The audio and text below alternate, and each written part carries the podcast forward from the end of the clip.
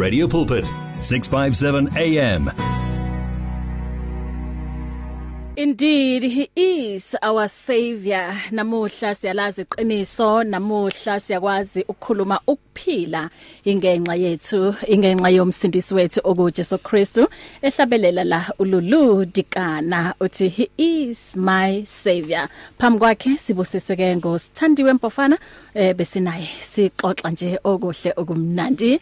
Ya eh, singena ke esigabeni sokugcina manje njoba lishayile elesine ihora 12 after 4 o'clock. Um si nginaye ke umamteboho mokwena ukhona ke no Dr Lesego um Mulobela. Today sizokhuluma hmm uyazi le ndaba angazi i- ngithi i sensitive bazalwane ngithi sensitive bafundisi bami. Is is it a sensitive issue ye soul healing? Sanibona okay Sawubona makhosi. Oh, ngiyabona ngathi nilindele ukuthi ngibingelele. Ngiyaxolisa ke. khona Sanibona. Sawubona sisibahle sawubona awusimangele ukuthi awu namhlanje sangena endabeni nje Hawu. asibulisi yini Savela sagqumela kuyona. Okay, angithi uyazi ukuthi ngesinye isikhathi kunokuthi ngithatheke nje. Ngifuna ukungena odabeni. odabeni Mhm. Mhm. Ngicela nibabingelele ke emakhaya bese siyangena e- endabeni. Ngithanda ukubingelela bonke abalaleli eh bala e Radio Pulpit Julius Zwini and futhi ngithanda ukuthi Happy Pentecost Day. Mm. Eh ngalolu suku siyakhumbula ukuthi u moya engcwele wehla kubafundi eh in the upper room ngoba uJesu wayebatshelile ukuthi yani lapha ku upper room nolinda umoya engcwele ukuthi ufike base bayalinda ke wasuyafika so today we are remembering that day i Pentecost mm. so i think it's also in line with our theme for this month ethi understanding the anointing mm. eh i anointing ke ye healing ikhona there is a healing anointing seng sengijampela khona phezulu kwi kwi topic. Or ithi sinikezwe u Dr Lesiho ukuthi naye abulise singakajampeli yabo sengenza lento yenzike Okay sawubona mlaleli lapho ekhaya. I hope ukuthi nibusisekile. This is the day that the Lord has made. And indeed in it we shall rejoice and be glad. I am so happy to be here today ngijabule kakhulu ukuthi sizokhuluma ngezwi likaNkuluNkulu. Sizowuzwa ukuthi what does God say ezwini lakhe? Kithi singabantwana bakhe. Amen. Ya sikhuluma nge soul healing namuhla. As- Asiqale u- em em mamtebogo ngokuchaza ukuthi iyini.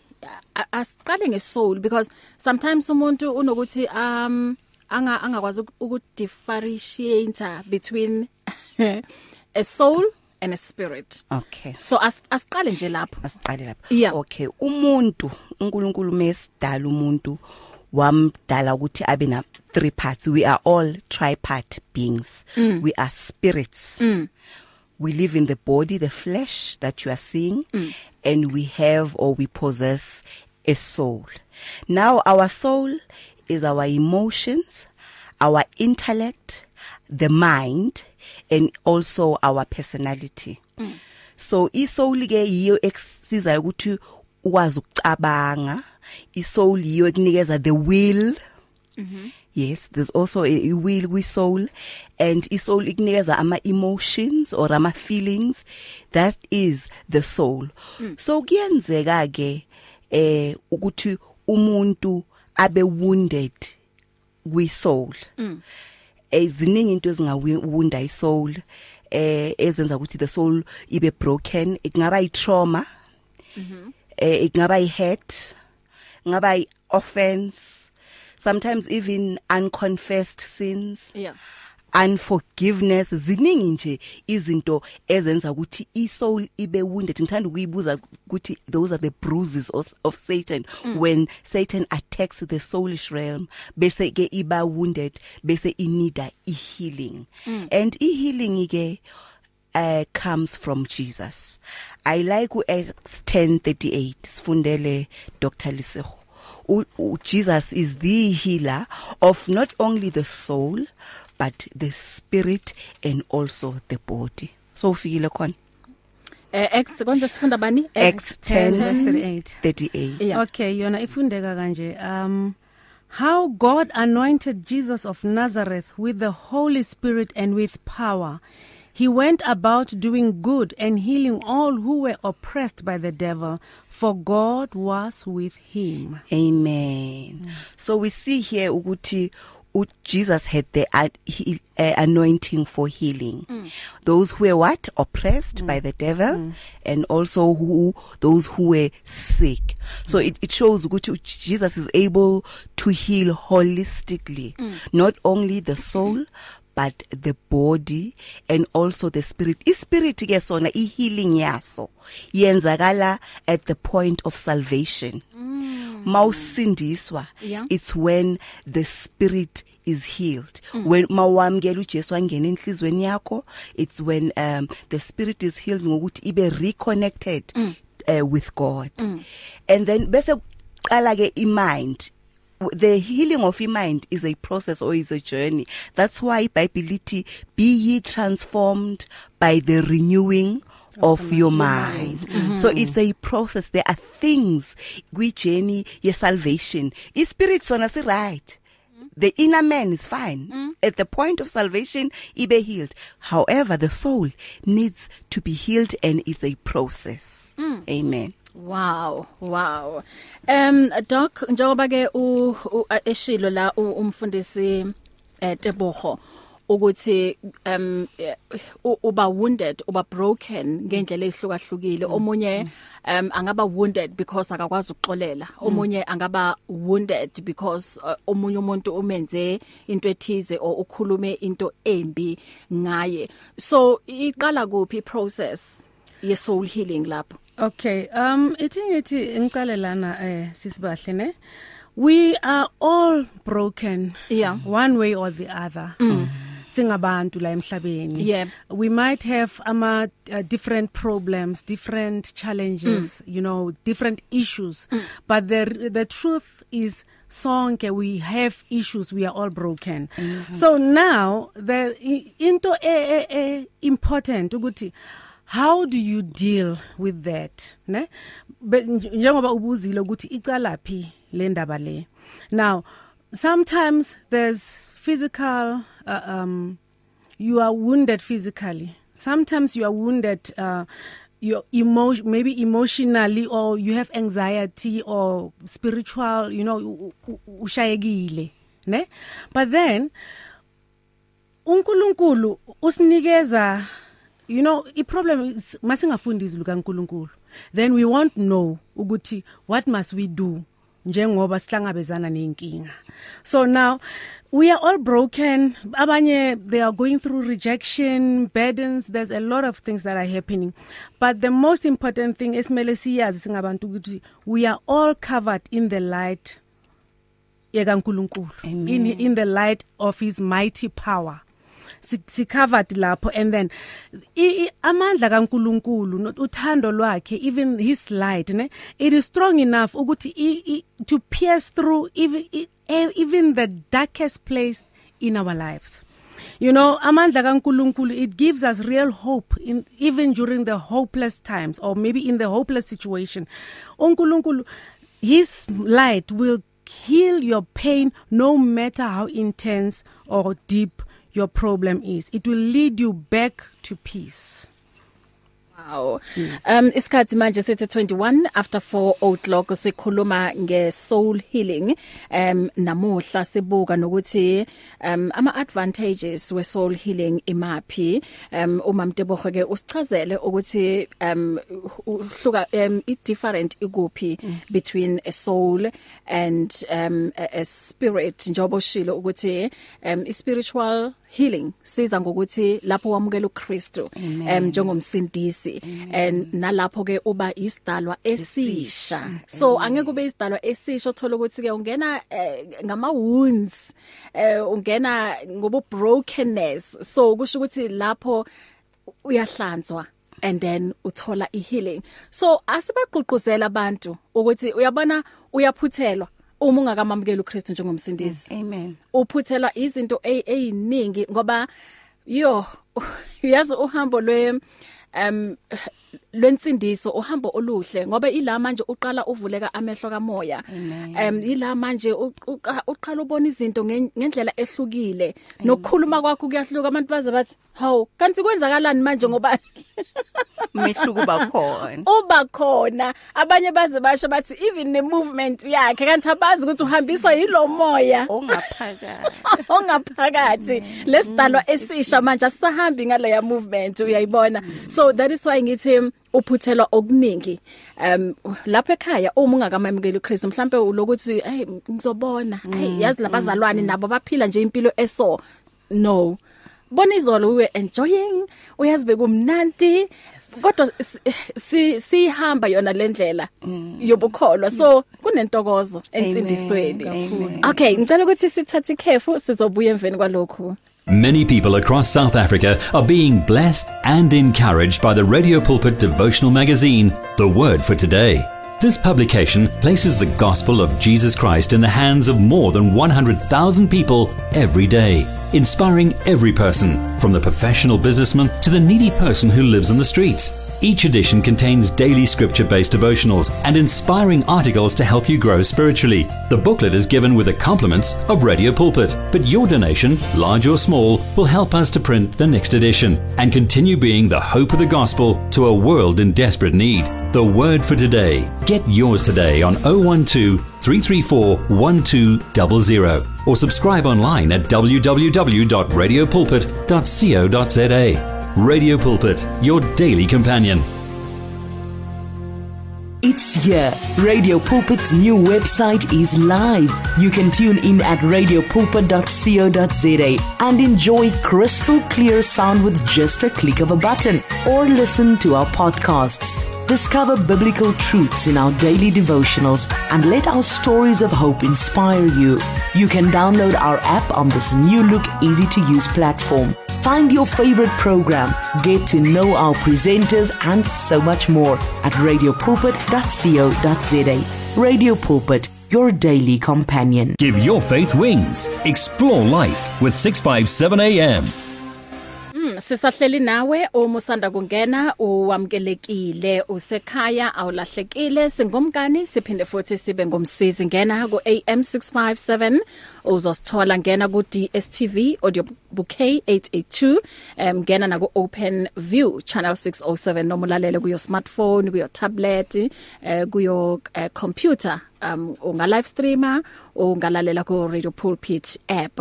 Sikhuluma nge soul healing. Eh, mhlambe nawe kukhona izinto wahlangabezana nazo empilweni uthi hey uyazi ang- angikhoni nje ukuthi ngindlule kulento.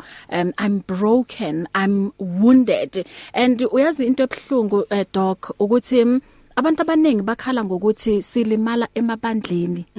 Eh uthola umuntu athi "Ah, mina futhi angisayingeni nendaba ukuthi ngiyesontweni because impilo yami it was okay. Ngingakayithathi lensindiso o mhlambe ngingakahlangani nabazalwane. But seloko ngihlangane nabazalwane hayi uyazi bayangilimaza left right and center. Uthi ungibona nginje ngemavithi la ngaphakathi and noma umuntu eze khuluma ngoJesu hayi cha ngivele ngithi ima kancane. Yes, yeah, you know sisibahle ne. Loku akukhulumayo it's the truth. yeah. Abantu abaningi bazokutshela that is why abanye bazokutshela ukuthi ungazongitshela ngebandla ungangitsheli ngenkonzo ungangitsheli ngabazalwane. You know that is what sihlangabezana nalabantu laba most of the times. Yeah. And some of them yes i- ngempela bahlungu bahlukunyezwe en- em- emabandleni. Yeah. But I think mina ngifuna ukukhuluma nawe emlaleli lapha ekhaya ukuthi just know and have this attitude yokuthi mawuye enkonzweni awuyi emuntwini umuntu angakulimaza yebo. But wena know your purpose ukuthi uyelene enkonzweni.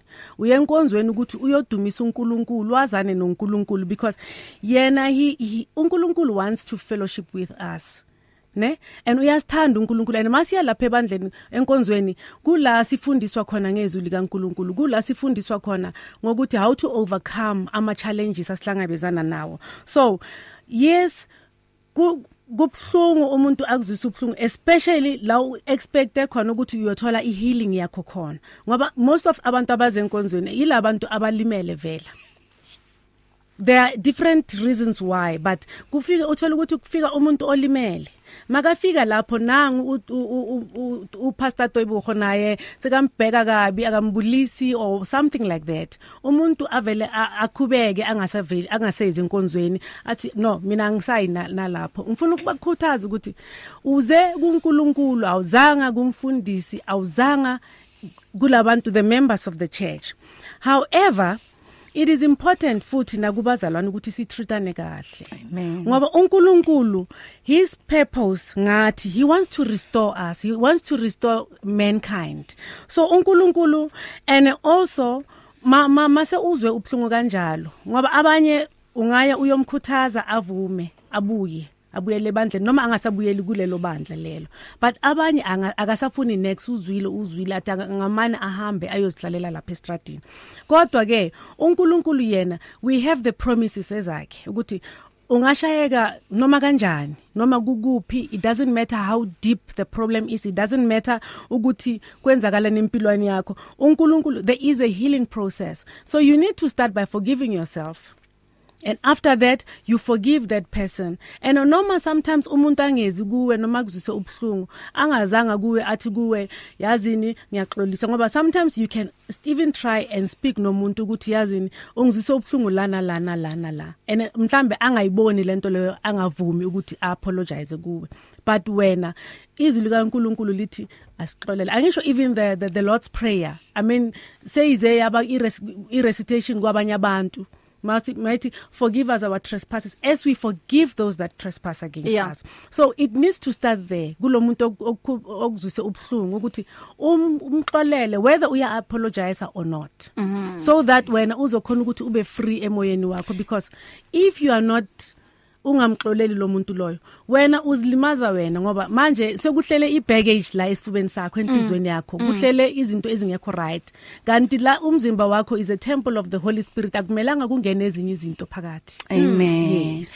And izwi lenkosi liyasitshela ukuthi we should guard our own hearts with all diligence because out of it springs the issues of life. Amen. So kuyabonisa ukuthi vela ama issues wempilo zoba khona bakhona abantu abazo offender bakhona abantu that are going to look down upon you bakhona abantu abazoku rejecta bakhona abantu abazogosipha ngawe.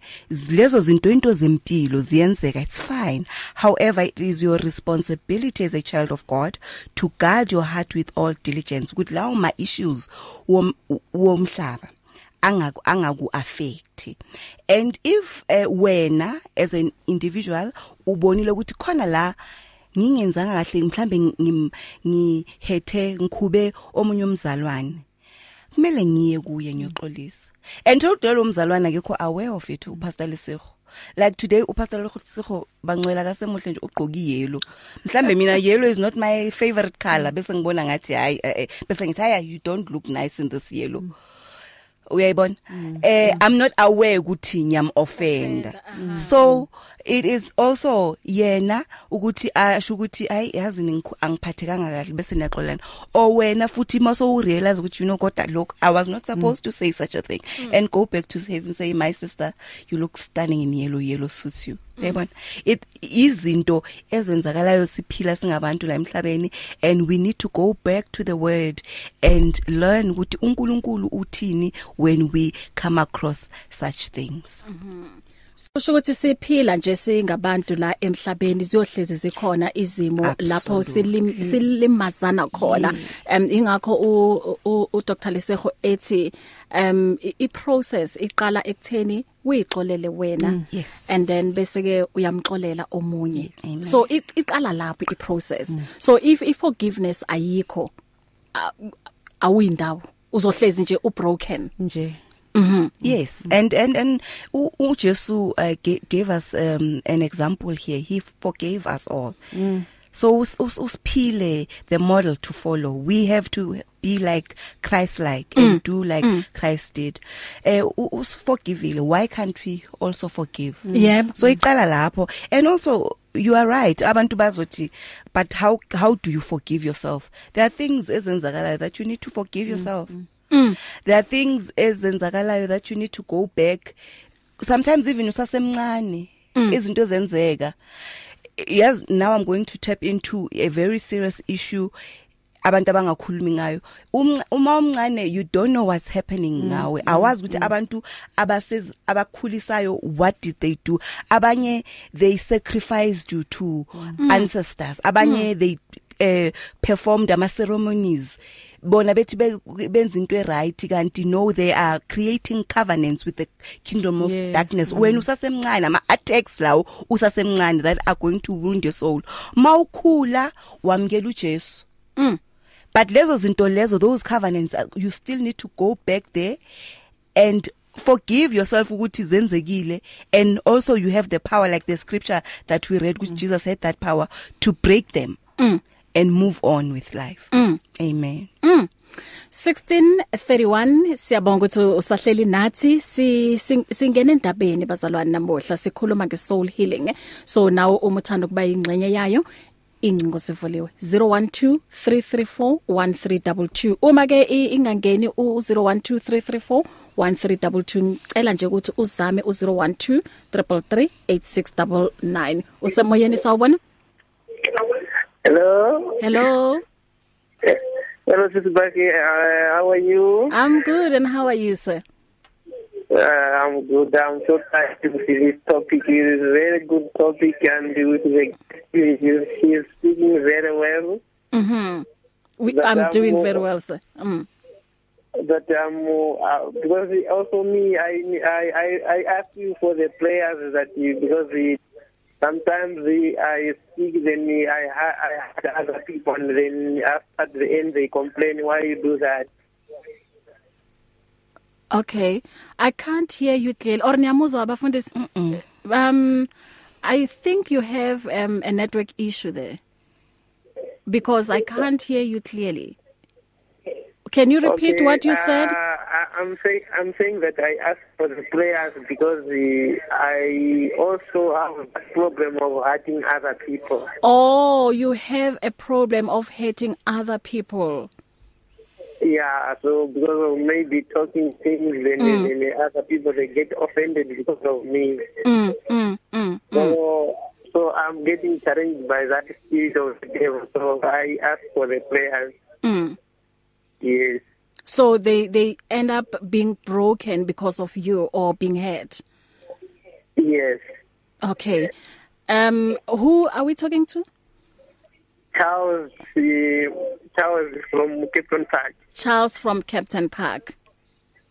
Yes. Okay, we'll pray with you before the Thank end of the you. program.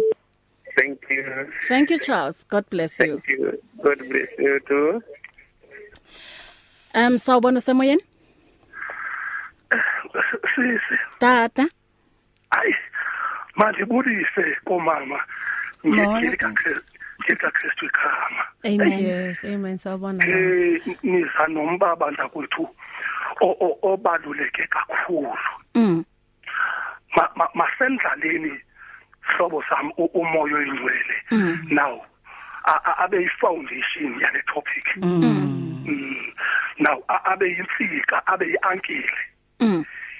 Eh meaning that ukuba ngaba kuye kwanyangeka umphefumulo lo ugcina ienga ugcina iworry idepression yonke into inyama lesibahle ayibi na chance yakutshobalaza okanye yokwenza ukuthanda kwayo if nje ke kwahilisheka umphefumulo meaning that umphefumulo sibahle ndithe ukuba kuhle kuwo xa unala seal okanye unalamak ukuthiwa ngumoya oyingcwele and umfundisi yazi ubuyazi sibahle ukuthi iintaka ezi ziye kwengabom yindalo.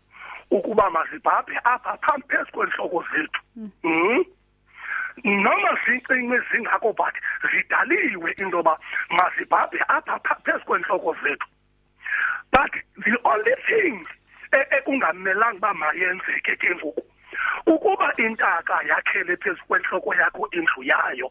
Mm. so meaning that indaba edibene ne-depression A- azawuthapha kuJohn ngo-26 athi akuzelwe yinyama kuyinyama. Mhm. Yabona uma nje konda uthi akuzelwe yinyama kuyinyama nakuzawugcina ke i-depression i-double mindedness ugcine i-stress eh kuba lo natural lowa. Nango ukuze la natural ahilisheke now must add usuper on top of the natural. Hmm? Meaning that lo muntu ungwakwanyanga now unomphefumulo nje ovuka uyolungisa xa uthanda okanye uvuke uyomosha xa uthanda. So kufuneka kuedweke ngoku uholy spirit kuye. Now ukumnyaka uze uve kusithwa akuzelwe ke ngoku ngumoya. Eh now kungumoya. So ibingunatural qala now kwase kwaedwa usuper now ukwenza usupernatural usupernatural xa uselwe ngumoya uba ngumoya.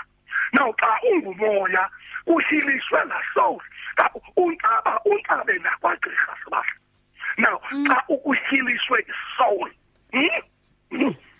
Kuba uyakwazi ugula uguliswa kungabi naxolo shini thixo ugule ugule uyolala esibhedlele kanti luxolo lingena lonke eh so ndinenzonzo ngabantu bakathixo. Now uma ke ukuthi akuzelwe ngumoya kungumoya meaning that uba uzelwe nguthixo ngoku ubungunatural wawunikwa umoya oyingcwele uyatshintsha ube sidalwa esitsha ngoku ube ne ube nenhliziyo kaThixo uthi uyambona lo mama une mindset kaThixo mm. so une heartbeat kaThixo yeah?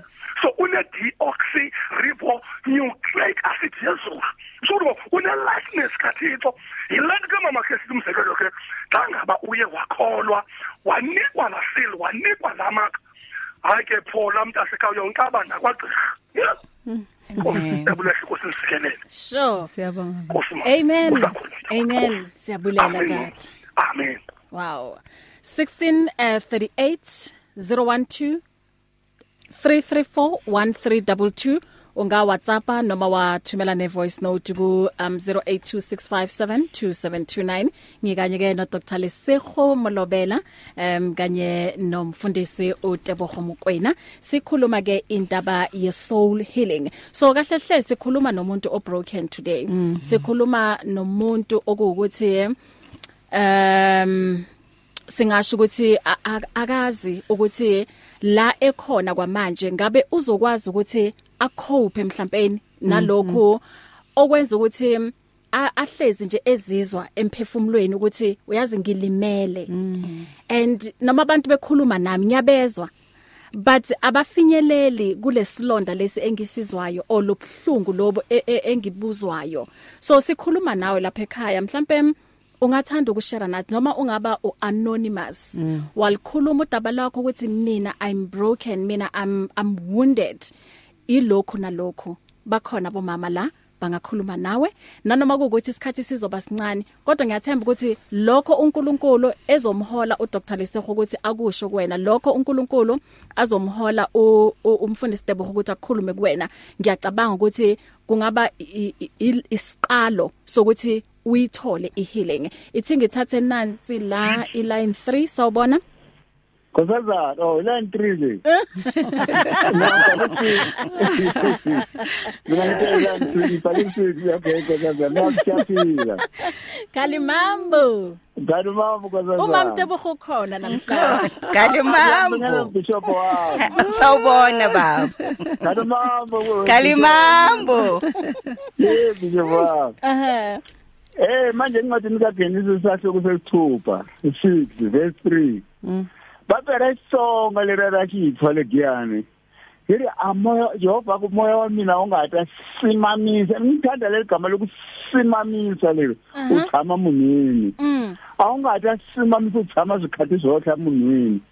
Wabona nkosazana ngokuba umuntu uyinyama. yeah manje umoya kaNkuluNkulu uma se uNkulunkulu ukukhipha emuntwini umuntu waba buthakathaka mm noma ngumfundisi ubuthakathaka. Mm. noma ibishop ubuthakathaka. Mm. noma nesambatho ubuthakathaka ngani? Lo moya lo usiphamanda uJesu wathi hambani nohlala eJerusalem. Ningasuka eJerusalem ngonabukeliswa amanzi umbishop ubishop le nginebishop la nkosazana. Yeah. iyazi ukuthi mina ngale kamoya mina bengazi into lezikelisa hey manje ke lo moya lo iwona lo sipha amandla. Lo moya lo wona usenza ukuthi sithandane sicolelane sizwelane. Manje ke lo moya lo uma uhlele emzimbeni yethu asibo buthakathaka ni. Mm asibi njengendlela ukuthi sinezinto zemvelo izinto zemvelo ziyafa emzimbeni yethu. Thina singabantu bemvelo thina singabantu bakaNkulunkulu. Oh, kuphela nje uma kunalo moya. Amen. uma lo ngamoya ungekho lo umfu bishop aningi ababishop abahamba abaprofeti wasuka hamba le ayofuna amanzi ageze ngamanzi agcobise oil ngoba lo moya lo akanawo. Kuba khona nje ukuthi lo moya ungabikho emzimbeni kamfundisi. Mm. lesizathu thize ukuthanda izinto zomhlaba. Baningi ababefundisi bangibaziyo laba abanganawo lo moya lo. Kuthi baphethe amabandla. Manje ke lezi zinto lezi esizoba thina sisho umoya. Lo moya uma ufike kithina sesiba ngabantwana bakaNkuluNkulu se lezi zinto zemvelo ziyafa lezi Mm. noma uzibona nje ngisahalela izilutho Mm. ngiyathula nje eh izinto zemvelo lezi ziya ziya- ziyahamba manje ke sinenkinga yona le kamoya ukuthi umoya ungabikho emizimbeni yethu le kanti babukozazana Kalimambo. Mambo. Ngikuzwe kahle mina. yasimzulu babuqinisile Yeah. ngempela Mm. because vele iBhayibheli yasho ukuthi we should walk in the spirit Yeah. and we will not fulfill the lust of the flesh Mm. thereof so uh, the righteous those who are uh, walk in the spirit are the sons and Mm. daughters of God Oh, yes. ne eh but then we also need to remember bangcwele ukuthi we are still living kulomhlaba u- u- Dr. Lisekushilo in a broken world. And the adversary is still there. Yeah. that's why Ephesians 6:10 at we wrestle not against flesh and blood yeah. but against Against principalities and power. so a battle is still there. Yes Christ has won everything. However u- lesitha sisasekhona. Ngakho kumele sihlomeke ngezikhali zikamoya all the time ukuthi uma ehlasela sikwazi ukuma to Amen. stand. And i like what first john uh, 1 9 says. Uthi first john we have an advocate. We should not sin. But if we do sin we have an advocate. Angithi mfundisi. Ozokwazi ukuthi asixolele number 1 asihlanze bese siba ngathi asizange sone that is the grace another dimension of God's grace operating lapho ukuthi yes manihamba ngokamoya you should not sin. But makwenzeka ukuthi you fall we have an advocate uJesu Kristu Amen. ozokwazi ukusixolela asihlanze. But doesn't that mean ukuthi you must uh, take an advantage for the grace of God and sin all the time. No. You must always uNkulunkulu uthi be ye holy because I am holy. Strive to live a holy life. Amen. Amen. Usemoyeni sawubona?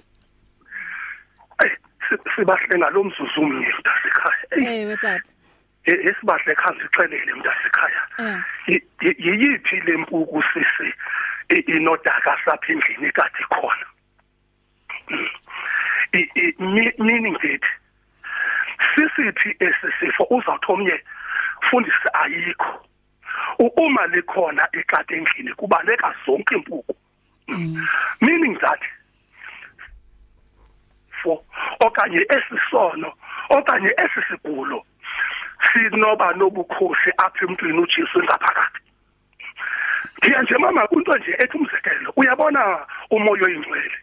Umoya oyingcwele number 1 because umoya oyingcwele ululwandle sibahle befundisi bakuthi U- ululwandle kuwe ngaphakathi now i-stress sizawuzama ungena now isiye sizama ungena but umoya oyingcwele ekhona and that's why uthixo sibahle endibuza each and every day. Hey mntanami khawutsho how can you be stressed now in, in the presence of umna? Mhm. Mhm. U- uthi uxelela abantu nje ubu-depressed udepressed xa bengiphi ye so that means wena uyeke iservices zakwamoya engcwele kathixo Hmm?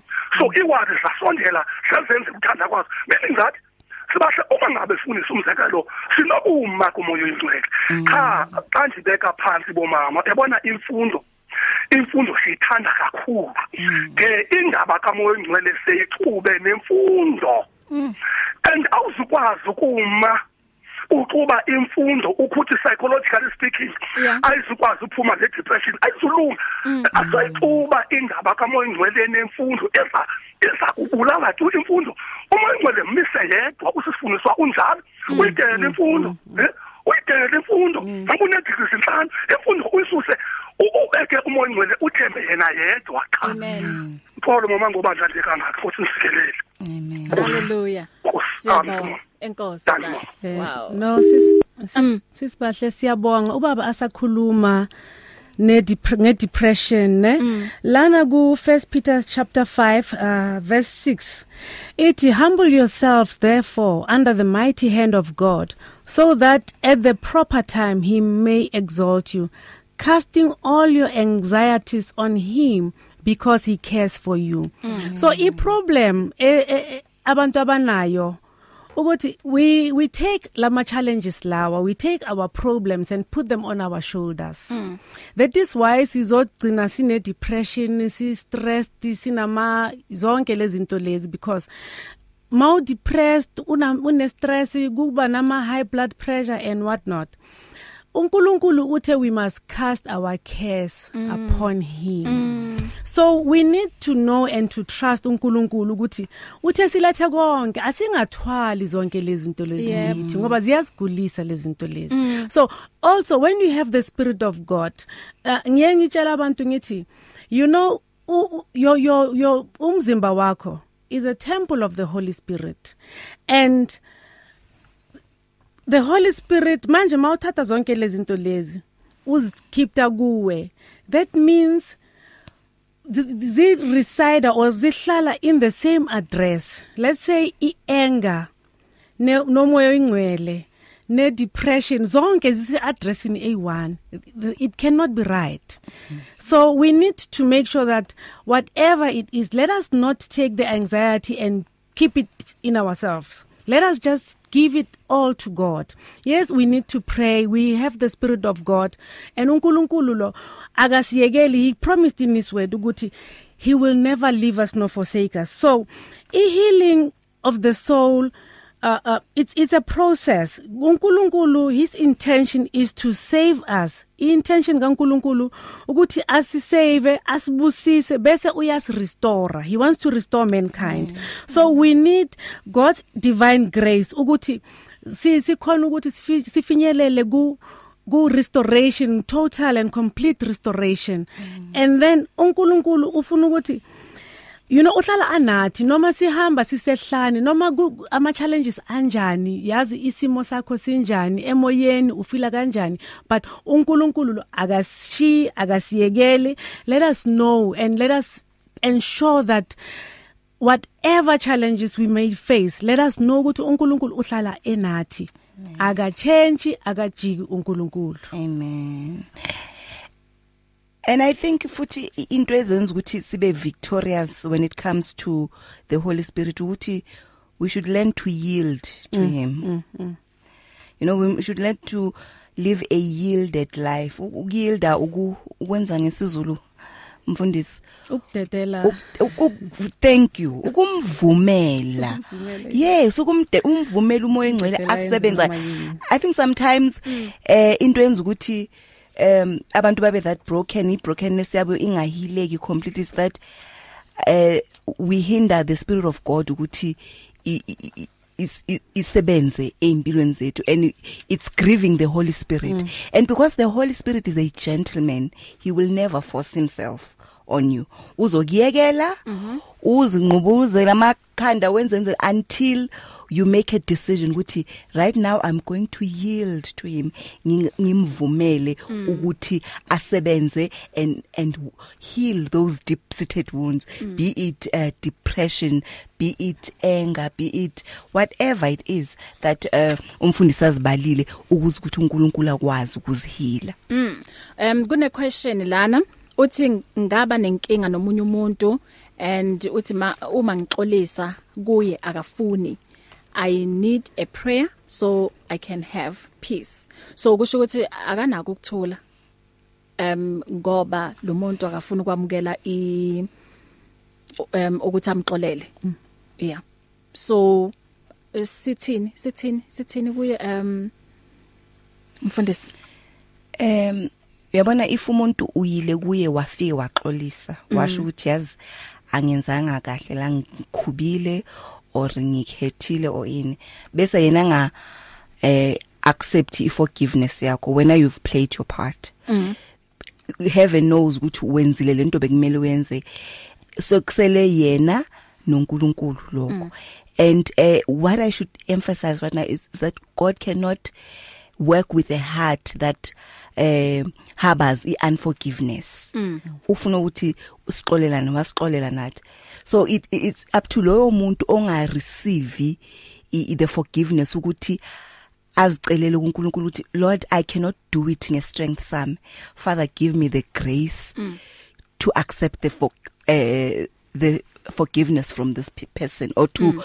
To forgive this person. Mm. so it goes back to umusa wenkosi ukuthi I can't. I don't want to forgive this person. Ungenze so ungenze so. Nangu uyaxolisa. I'm not ready. Mm. but Holy Spirit give me the grace to forgive it's mm. what I've just shared mm. right now ukuthi yielding mm. to the Holy Spirit ukuthi Nkosi yami take over and help me to do this and mm. be honest with God and say unanguzile uthi ngimxolele and I don't want to I'm not ready mm. so ngincede moya ingcwele Yeah. ukuthi ngixolele I think ibuyela ku ku- kule um- u Dr Bekayikhuluma ukuthi forgive yourself. Mm, I Yes. think yena kumele aqale ngokuthi ayixolele if he or she is the one osephutheni mm. akaqale ayixolele Yes. and then um joba usho uyidlalile indima yakhe yakhe, ukuthi yes. okay ngimenze kabi ngixolisile akafuni ukungixolela so yena akayixolele ukuthi okay ngiyenze wrong kulomuntu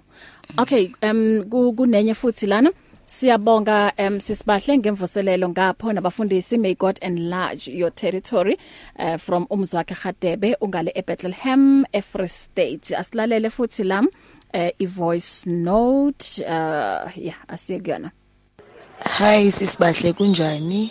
We are speaking to umngane ka baby from Eckletonville. Baby, she's my friend sisibahle. And then what happened to baby? It was very very painful where else where baby kibuze kwasha and then maqeda ukusha. No one said anything but they, they were busy going to the pastor telling the pastor giving the pastor the wrong information saying umaka baby unama RDPI2 lo mama lona nganyamezela ini emkhukhwini whereas enama RDPI3 la ukuthi angahlala khona. Then ama furniture wakhe amosheke while ane anezindlu eziyi3 so that thing it hurts. So mina i just decided that i mustn't go I, I won't even go to church again. I will stay at home but uNkulunkulu ngizomkhonza ngiloku ngihlile endlini.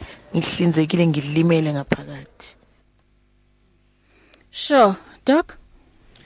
All right. Um Ngiyamuzwa umngani kaBaby ukuthi uh kuye kwashiswa kwabo baby and the way ngizwa usisi ngakhona if ngim understand kahle I think um i problem i- i- isuke ekutheni ibandla alazanga ukuthi libanikeze i support libancede that is why athi yena ngeke asa asaya enkonzweni.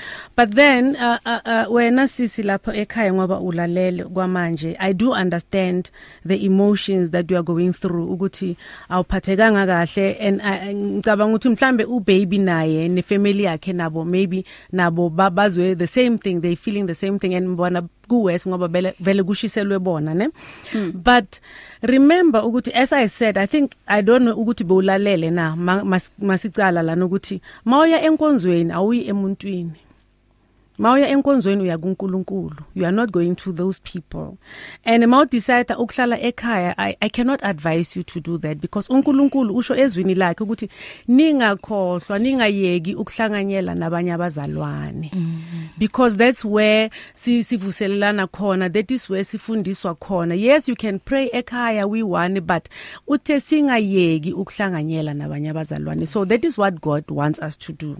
Number 2 um mina i would advise you ukuthi forgive those people because for you to take the decision yokuthi angeke usaya lapho kuyabonakala ukuthi awubaxolelanga labantu labo. And now it puts you manje nawe ukuya ngezwi likaNkuluNkulu uthe we must forgive. Uthe nathi sithethelele. So it shows ukuthi wena nawe awukhonanga ukubathethelela but we will ask uNkulunkulu ngoba nathi siphila ngomusa kaNkulunkulu. We are not perfect nathi. So now we will ask uNkulunkulu akunikeze that grace njengoba bekashilo uPastor Tebuho ila on ukuthi sicela uNkulunkulu asinikeze the grace to be able to forgive. Nawe sicela uNkulunkulu ukuthi akunikeze that grace and you must be willing nawe. Nawe ube naleyo ntshisakalo ukuthi yazini ngiyafuna ukuthi ngibaxolele ngiyafuna ukuthi ngibaxolele baba ngisize. Yes akukho lula into engiyibonile mhlambe bayiyenza or bayikhuluma ngefamily kabo baby but baba mina i want ngifuna ukwenza intando yakho. Mm. Hayi intando yami. And intando kaNkuluNkulu ukuthi sithandane siphile in peace sixolelane ngoba naye usixolele uJesu Kristu wabaxolela alibele asesiphambanweni. Nathi simele sibe naleyo. Yes that that mm. yeah um uh, pastor Tebogo ungathini uqinisile kakhulu.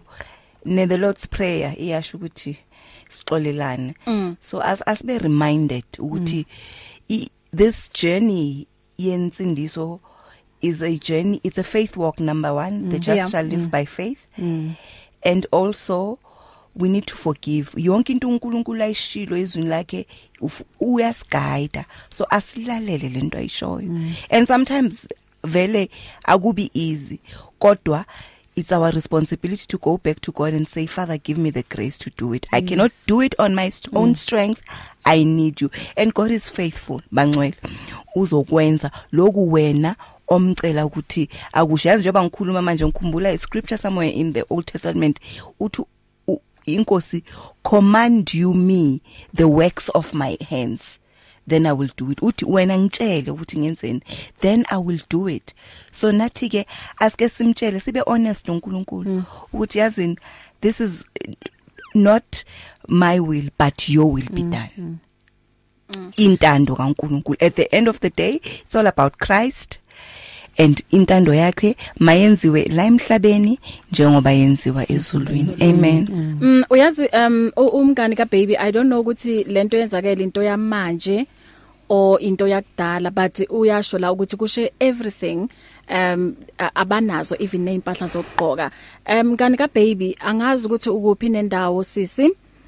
Um but bengingacela nje kuwo wonke umuntu olalele kwamanje um uma kuukuthi angazi ukuthi uzovuma ukusho ukuthi ukweyiphi indawo i province um mhlambe abangathanda ukuthi basize basize. Ekakhulukazi phela kuyabanda manje. Cabanga abantu uma benganazo impahla zokugqoka. So siyacela ke mphakathi siyacela family ye radio pulpit ukuthi uma usisbe umngani ka baby uma engakwazi ukuthi ashare mhlawumbe location yakhe eh nikwazi ukuthi ke nimsize.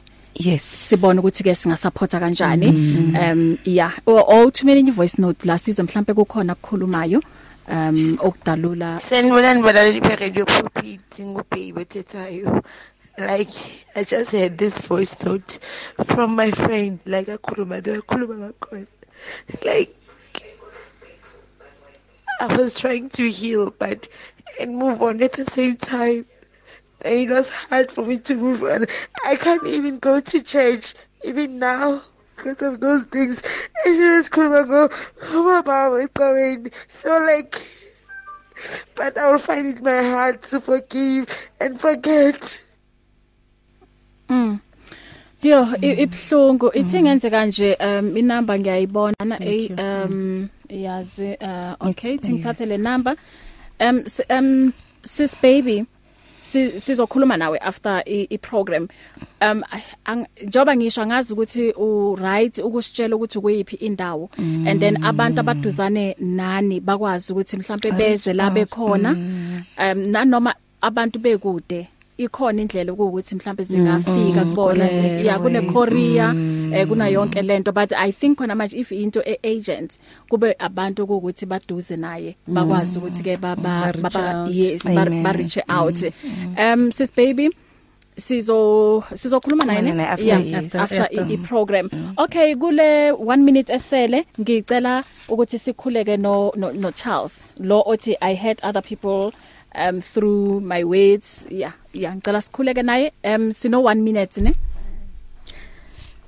Heavenly Father, we pray for your son Charles, O God. We believe, Lord God, that as he has called in, mighty God, he can see his faults. Heavenly Father, I pray that you touch him with your victorious right hand. Let him realize, O God, let him be always watchful of his of of his words, O God. I pray, Daddy, that he, O Lord, change the ways that he's talking to people, that he be able to stop to hurt other people. And Father, I pray for those people that he has healed, that he has hurt, that mighty God, they find it in their hearts to forgive him. And Father, I pray that you guide and you lead him all the time in the name of Jesus Christ. Amen. amen amen eh ngibongile bafundisi bami asiphinde futhi sihlangane evikini elizayo. God bless you. And ke uma uthanda ukuxhumana nodokotela okay sizowashiya next week ngoba isikhathi asekho. Um upastor Ray Khodi uyeza? Uzoqhubeka nawe njoba lishayile ihora lesihlanu um until 7 o'clock. God bless you. Asihambe ke novuyo mokwena ethi hamba nathi baba. One vision, one voice, one message. Radio Pulpit 657 AM and 729 Cape Pulpit, impacting lives from Gauteng to the Cape. If you need prayer, please send your request to prayer at radiopulpit.co.za or WhatsApp 067 429 7564 or go to Radio Pulpit website on www.radiopulpit.co.za. Many people across South Africa are being blessed and encouraged by the Radio Pulpit devotional magazine, The Word for Today. This publication places the gospel of Jesus Christ in the hands of more than 100,000 people every day, inspiring every person, from the professional businessman to the needy person who lives on the streets. Each edition contains daily scripture based devotionals and inspiring articles to help you grow spiritually. The booklet is given with the compliments of Radio Pulpit, but your donation, large or small, will help us to print the next edition and continue being the hope of the gospel to a world in desperate need. The word for today. Get yours today on 012 334 1200 or subscribe online at www.radiopulpit.co.za. Radio Pulpit, your daily companion. You and 657 AM and life, a winning team on the road to eternity.